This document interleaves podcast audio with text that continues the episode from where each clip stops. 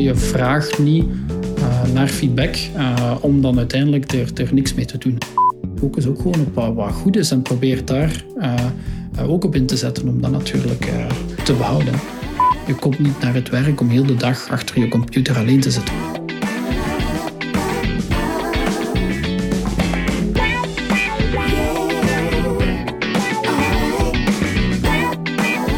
U luistert naar de HR Magazine podcast. Een bekende journalist interviewt een expert over een actueel HR-thema. Deze gast inspireert u over wat beweegt in het HR-landschap en geeft een blik op de toekomst. Uw gastvrouw is Liesbeth Imbo. Welkom bij een nieuwe podcast. En dit keer met één centrale gast, Yannick Vallis van Terumo Europe. Om het te hebben over u, werknemer, hoe ga je na hoe jij je voelt? Hoe beïnvloedt dat je werk? Hoe krijg je dat beter als HR en dergelijke mee? Daarover gaan we het hebben. Maar misschien eerst, Janik, eerst wat vertellen. Hè? Terumo Europe. Wat doen jullie? Wie zijn jullie? Ja, de, de meeste mensen ringen gaat misschien geen belletje rinkelen. Maar wij zijn uh, een Japans bedrijf van origine, maar dan uh, onze vestiging heeft dan de focus op, uh, op Europa. Wil dat dan um, ook iets zeggen, Terumo, in, in het Japans? Heeft dat een betekenis? Um, dat komt eigenlijk van medische apparatuur die we maken. Dus de eerste medische apparatuur die we bijna 100 jaar geleden zijn beginnen maken in Japan was een thermometer. en dus vandaar komt dat de naam Terumo. Ja. Um, en dus bij deze, dat is ook, uh, we maken vandaag in Europa geen thermometers meer, maar wel andere medische apparatuur, spuiten, um, katheders, stents. Um, was het dan druk met corona? Uh, ja, ja, ja, was wel, was wel druk. Uh, natuurlijk, ik denk dat er wel wat, wat spuiten gebruikt zijn. Voor, ja, dat denk ik ook. Ja. Voor, voor corona. Ja. Maar het is, het is inderdaad een Japans moederbedrijf, maar het heet Europe. Jullie zijn in heel veel landen wereldwijd. Ja, dus we hebben ons hoofdkantoor voor Tromo Europe in, in België hier. Uh, en ook een productievestiging in België en een distributiecenter in, in België. En dan voor de rest twee over heel Europa met allerlei sales offices. Dat gaat van de grote landen, Duitsland, Frankrijk, maar ook de, de, de, iets kleinere landen zoals in Tsjechië of in, uh, of in UK zitten we ook. Of in, in België. Uh, dus ook niet het grootste land van Europa. Maar jij leidt het wel daar, het People Experience Team, dat leidt je voor heel Europa. Ja. Wat doe jij dan? Dus uh, People Experience Team is een van de drie teams binnen onze HR-afdeling. Dus ik werk binnen, binnen de HR-afdeling. Uh, misschien kort even de andere twee uitlichten, dan, dan kan ik uh, makkelijker vertellen wat wij doen. Dus één grote poot binnen, binnen, binnen HR is de HR-partnering. stukken dat zijn de traditionele HR-business partners en HR-managers die bepaalde businesses gaan supporteren met HR-vraagstukken en dan vooral naar de, de managerpopulatie. dus dat is één stuk. Um, tweede grote, grote groep is uh, uh, People Solutions Team. Daar zitten eigenlijk allerlei um, experten die bepaalde talentprocessen gaan, gaan, uh, ja, gaan uitvoeren en ook bedenken en, en mee vormgeven. Beetje Zoals, opleidingen en zo. Ja, daar valt learning and development met opleidingen en, en zo onder, maar ook talent acquisition voor recruiting, employer branding. en ook performance en reward valt daar ook onder. En dan ben jij? Ja, en dan is het het People Experience Team. Um, daarin gaan wij eigenlijk de grote, grote poot um, operationeel ondersteunen. Um, naar die HR business partners toe, maar ook naar uh, medewerkers die wij associates noemen. Dus als je me dat af en toe hoort vertellen, dan uh, weet je wat ik bedoel. Um, dus echt dagdagelijks ondersteunen. Dat gaat van, van payroll tot HR-admin, tot bepaalde vragen of adviezen die die medewerkers nodig hebben. Dat is één stukje. En dan de andere twee zijn dan alles wat met digitale HR te maken heeft. We hebben redelijk wat systemen um, in, onze, in onze organisatie uh, um, werkzaam en proberen we dan meer en meer HR-processen te digitaliseren. Dus dat is één focuspunt. Ja. En dan het laatste is dan wat wij People Analytics noemen. Dat gaat dan over in al die systemen en al die processen krijgen wij veel data van onze medewerkers. En hoe kunnen we daar gericht analyses op gaan doen en dan ook uh, daar, daar added value uit gaan halen. Ja, die medewerker beter leren kennen. Inderdaad. Vandaar daar valt dan het stukje continuous listening ook onder. Uh, waar we vandaag hier voor zijn. Ja, dus eigenlijk luisteren naar die medewerker. Jij bent een goede luisteraar. Um, dat moet je misschien aan mijn vrouw vragen, maar ik probeer dat toch te, toch te zijn. Ja, ja. ja, Maar door corona ben je nog beter gaan luisteren. Ja, ja absoluut. Um, dus um, eigenlijk zijn wij met heel dat verhaal voor corona al gestart. Uh, ik spreek dan 2018, 2019 hadden we de ambitie om eens te gaan, uh, wat we noemen employee engagement, hè, betrokkenheid van medewerkers, te gaan meten in een jaarlijkse cadans, in een uh, algemeen framework, wat dan ook andere bedrijven gebruikten. Ehm, dat was onze insteek. Ehm, we hebben daar een bepaalde tool voor gekozen ook. Um, Qualtrics in dit geval, die we daarvoor gebruiken. en hebben we daar de eerste twee jaar wel veel uit geleerd. Dat was wel, dat was wel uh, boeiend. Ons uh, management vond dat ook interessant. Er zijn een aantal acties onder op, opgenomen. Wat heb je daar dan vooral uit geleerd? Ja, je, je krijgt een inzicht over hoe het gaat met, uh, met, je medewerkers en waar bepaalde zaken zijn. Oké, goed, hier ten opzichte van benchmark data of ten opzichte van andere departementen zit het hier precies toch niet zo goed op bepaalde vlakken of kunnen we het toch in verbeteren? Of zie je juist wel dat er op bepaalde plaatsen heel positief uh, gereageerd wordt op sommige dingen? Uh, dan kan je dat ook weer gaan in de verf zetten. Um, maar dat was dan um, 2018, 2019 ik ga daar ook niet te veel credit voor nemen, want een ander collega eh, leidde toen dat team nog. Maar dat was de, de eerste ja, voeten in het water, zal ik maar zeggen. Uh, maar dan kwam het april 2020, waar we de nieuwe survey in de magazine gingen uitsturen. Um, en prioriteiten lagen toen een beetje anders, hè, zoals we waarschijnlijk allemaal wel, wel weten. Hè. En zijn we eigenlijk rond de tafel gaan zitten en gaan zeggen van kijk, het algemene engagement framework dat is interessant, maar gaat dat op dit moment ons meeste business value opleveren? En waar liggen onze ja, ons senior management vandaag wakker van. En hebben we dat eigenlijk helemaal, helemaal omgedraaid. En in plaats van dan die gevalideerde surveyvragen zijn we eigenlijk heel tailored gegaan. Dus op, maat naar oké, wat vinden wij belangrijk? En eigenlijk gaan, gaan meten van oké, wat is die impact van COVID op het welbevinden van onze medewerkers en op het werk? Uh, want daar zat wel wat variatie op. Um, Zowel praktisch als emotioneel? Ja, ja, ja, ja. Hoe werk je nu en hoe voel je je nu ja, bij dat inderdaad. De beide, de beide topics. Want een groot deel van de populatie moest thuis gaan werken. Onze fabrieken bleven gewoon vol continu draaien. En onze salesorganisatie bijvoorbeeld kon niet meer naar een ziekenhuis omdat die met andere dingen Dus die hadden geen werk? Uh, dus die of hadden, bijna geen? Uh, ja, inderdaad wel wat impact. En natuurlijk emotioneel of naar het welbevinden heeft dat ook impact op, uh, op medewerkers. Dan zijn we dus zeer gericht gaan vragen over de, de tijd um, van ja, pak anderhalf tot twee jaar binnen. Um, waar het op begin dan ging over ja, ja, hoe ga je daarmee om? Hè? Uh, iedereen, ik moest ook van de ene dag op de andere dag thuiswerken, um, om maar één voorbeeld te geven. Over de tijd hebben we dat wel wat aangepast. Zeggen van oké, hoe, hoe, wordt er ook uh, worden bepaalde communicaties uitgestuurd door de organisatie? Hoe worden die gepercipieerd en hoe kunnen we daarin dan ook gaan bijsturen als organisatie? Zijn jullie wel altijd inderdaad aan het bijsturen geweest? Hebben jullie heel snel ingegrepen? Ja, dat is wel, dat is wel de bedoeling natuurlijk. Je vraagt niet uh, naar feedback, uh, om dan uiteindelijk er, er niks mee te doen. Hè. Dus de bedoeling is wel dat we daar ook dadelijk actie op ondernemen, wat ook mogelijk is natuurlijk. Hè. Die technologie laat toe dat je daar heel snel bepaalde dashboarding op kunt maken en bepaalde analyses op kunt doen, om dan daar ook gerichter actie mee te doen. Zaten daar verrassende dingen bij of dingen waarvan je zegt van dat was nu iets dat voor iedereen crystal clear was dat we dat anders moesten gaan doen? Ja, het, het, varieert. Hè. Dus je, je, hebt daar grote verschillen in. Hè. Dus uh, soms is het een, een, uh, zeggen, een no-brainer, uh, maar misschien achteraf gezien is altijd makkelijk gezegd. Hè. wat voor iedereen wel, wel gelijk was, um, om een concreet voorbeeld te geven, in dat, in dat homework, die switch is gewoon het, het hebben van resources. Oké, je, je, moet thuiswerken, maar sommige mensen hadden geen, geen bureaustoel of geen uh, extra schermen en dergelijke. Dus dat kwam heel duidelijk uh, naar voren en over heel het bedrijf uit. En dan kan je daar ook als organisatie een algemeen standpunt op innemen. Zeggen bijvoorbeeld, iedereen mag zijn materiaal van kantoor komen halen en mee naar huis nemen. Of een bepaalde reimbursement doen uh, van, van kosten gemaakt. Um, andere zijn toch wat verschillend tussen departementen, tussen bepaalde teams. Um, en dat is dan ook de, de, de kracht van wat wij proberen te bereiken. We gaan niet alleen luisteren en dan daar uh, uit die inzichten proberen acties te, te, gaan koppelen en dan dat te bespreken binnen HR of binnen het senior management. Maar we gaan dat ook eigenlijk um, beschikbaar stellen voor de, de lagen daaronder. Dus verschillende managers, uh, people managers, krijgen toegang tot de um, data van hun team. En wat vonden zij daarvan? Hadden ze niet zoiets van, Jannik, ik weet best zelf wel hoe mijn team zich voelt? Of waren ze soms zelf ook prettig of minder prettig ja, ja dat, dat, wat ze dan... Ik kan me inbeelden dat dat confronterend kan zijn soms, maar ook uh, positief. Hè. Um, ik denk dat dat ook verschilt van manager tot manager. Sommige managers staan daar heel open voor uh, en zien daar dadelijk de, de meerwaarden in. Andere managers zijn misschien een beetje um, um, afstandelijk daarop.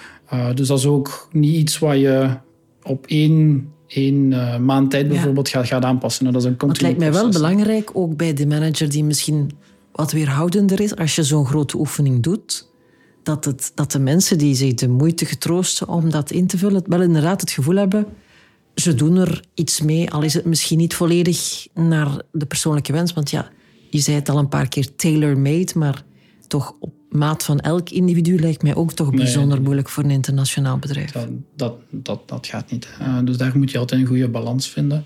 Um, zo proberen dat wel uh, te faciliteren. Um, dus we moedigen managers aan om die resultaten ook te delen binnen hun teams, als ze groot genoeg zijn natuurlijk, want er zit wel een anonimiteit op. Uh, je moet ook wel vijf responses in ons geval minstens hebben voordat je data ziet. Um, dus we moedigen dat heel veel aan om dat te delen en ook bespreekbaar te maken. Hè, want op zich kan je zeggen van goed, ik deel het en dan is de kous af. Maar nee, probeer die medewerker dan ook te betrekken. Um, wat zijn uw bevindingen die je als manager daaruit haalt, maar wat vindt jouw team daarvan? En ga dan in dialoog daarmee. Uh, En een heel belangrijke, focus niet alleen op de zaken die misschien minder goed zijn ten opzichte van vorige keer of ten opzichte van andere stukken in de organisatie, maar, maar focus ook gewoon op wat, wat, goed is en probeer daar uh, ook op in te zetten om dat natuurlijk uh, te behouden. En wat vinden de mensen er zelf van? Vinden ze het inderdaad fijn dat, dat je dat nu wat intenser uh, doet?